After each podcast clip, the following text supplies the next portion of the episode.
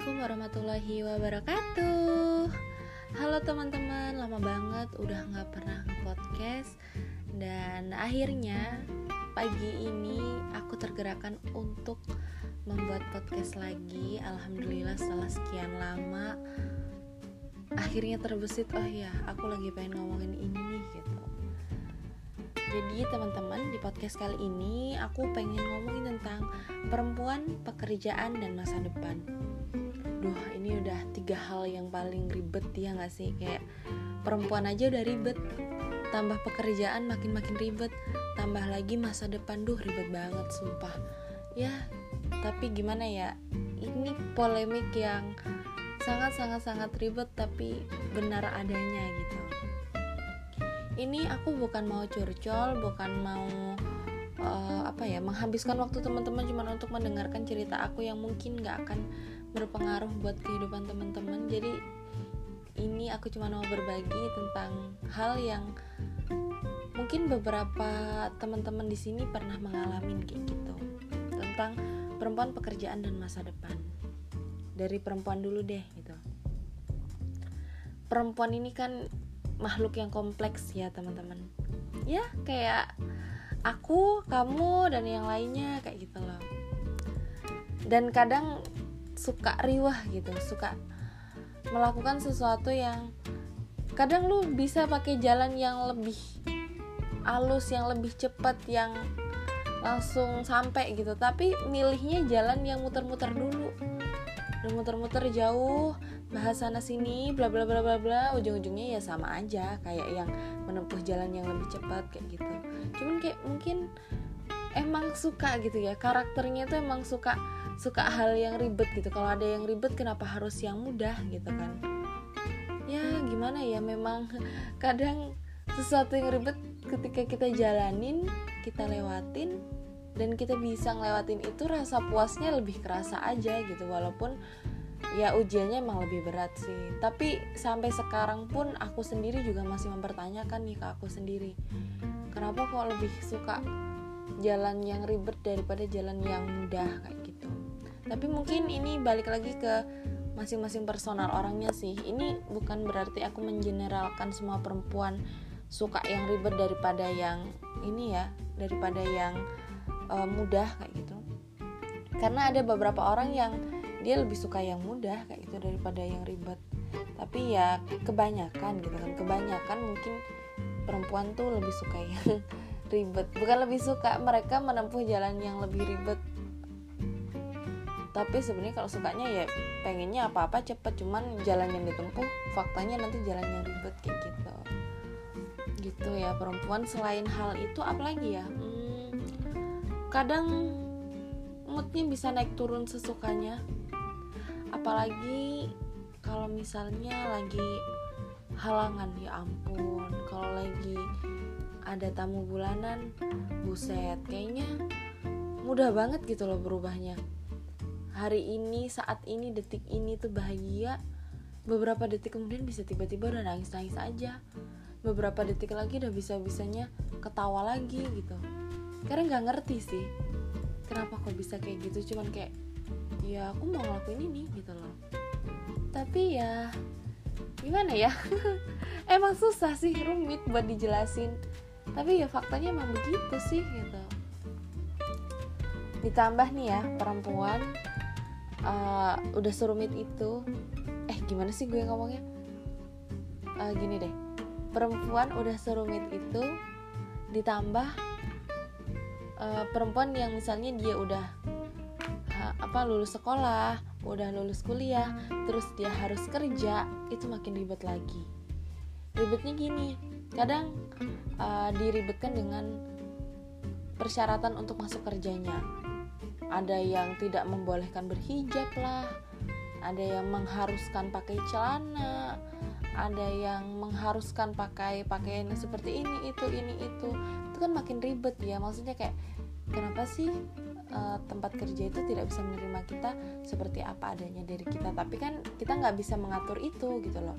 Itu kan semua tergantung sama tempat atau perusahaan yang tempat kita ngelamar kerja gitu. Mereka butuhnya memang kualifikasinya seperti itu ya udah kayak gitu. Ya walaupun sekali lagi aku perlu bilang ini ribet sih gitu ini ribet dan makin membuat runyam gitu loh. Karena nanti mau ngelamar kerjaan di sini eh ternyata kualifikasinya nggak cukup. Nanti di tempat lain ternyata nggak cocok kayak gitu. Itu baru secara kualifikasi belum nanti secara tempat kerjanya. Misal tempat kerjanya banyak cowoknya. Ada yang suka ada yang memang perempuan yang suka kayak oh yaudah gue suka nih kerja di tempat kayak gini.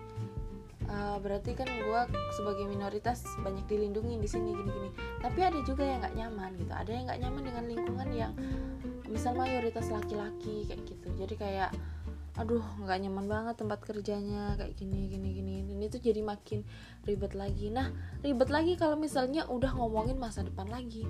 Kenapa tuh kayak gitu? Ya karena ini ya uh, stigma di masyarakat Indonesia saat ini kayak gitu yang ada adalah uh, perempuan kalau misalnya udah lulus sekolah terus habis itu kerja.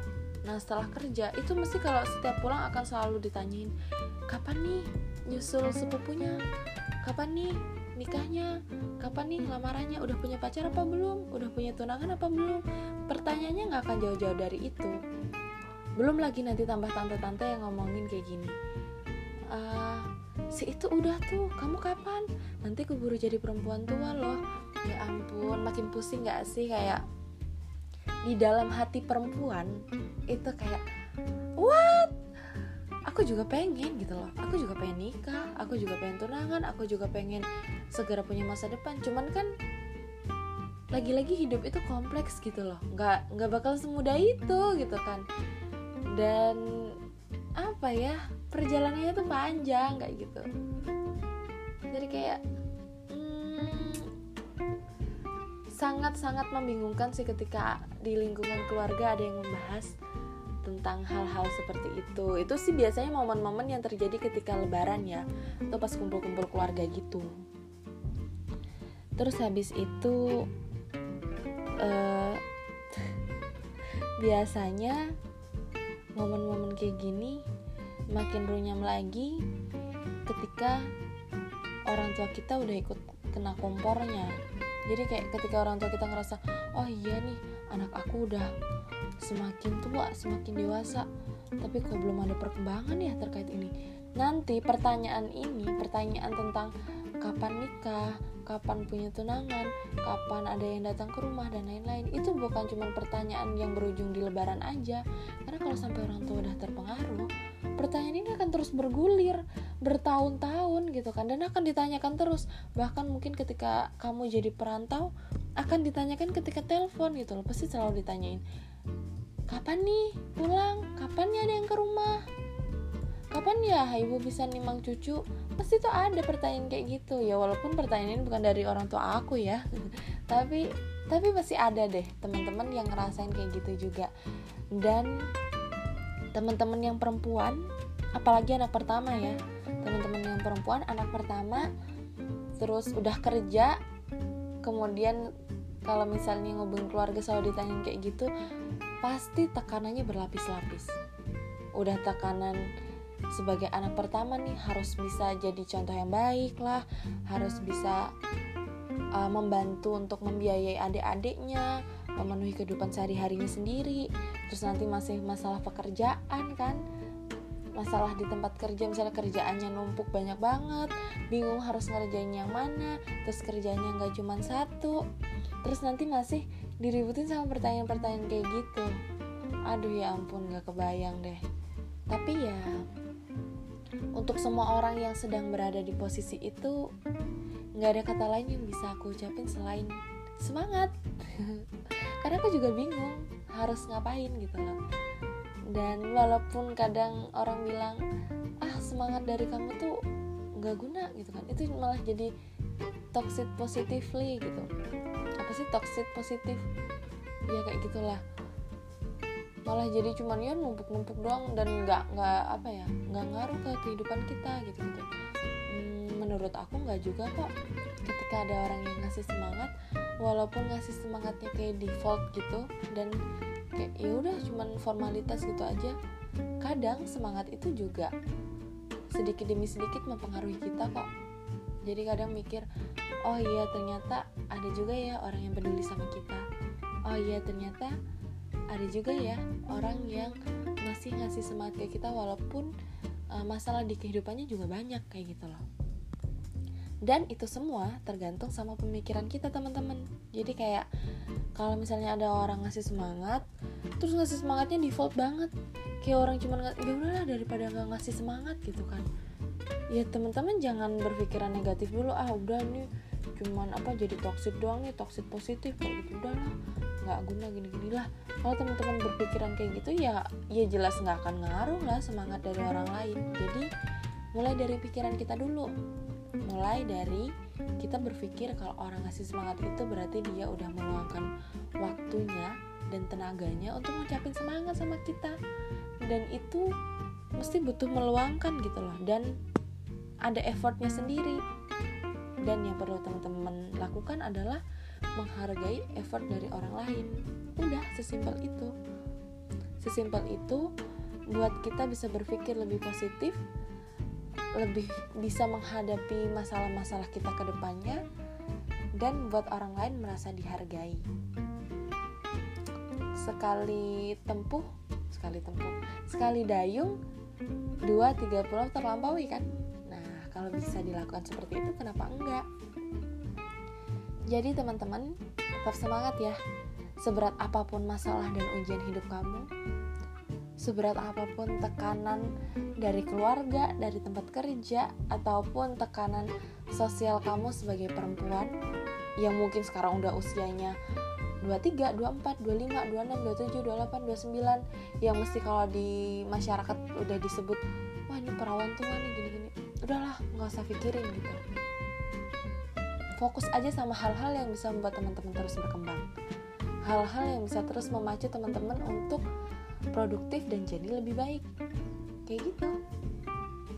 Walaupun aku juga lagi berusaha sih belum sepenuhnya berhasil untuk mempraktekannya tapi seenggaknya kita sama-sama berusaha buat fokus ke hal-hal yang positif aja.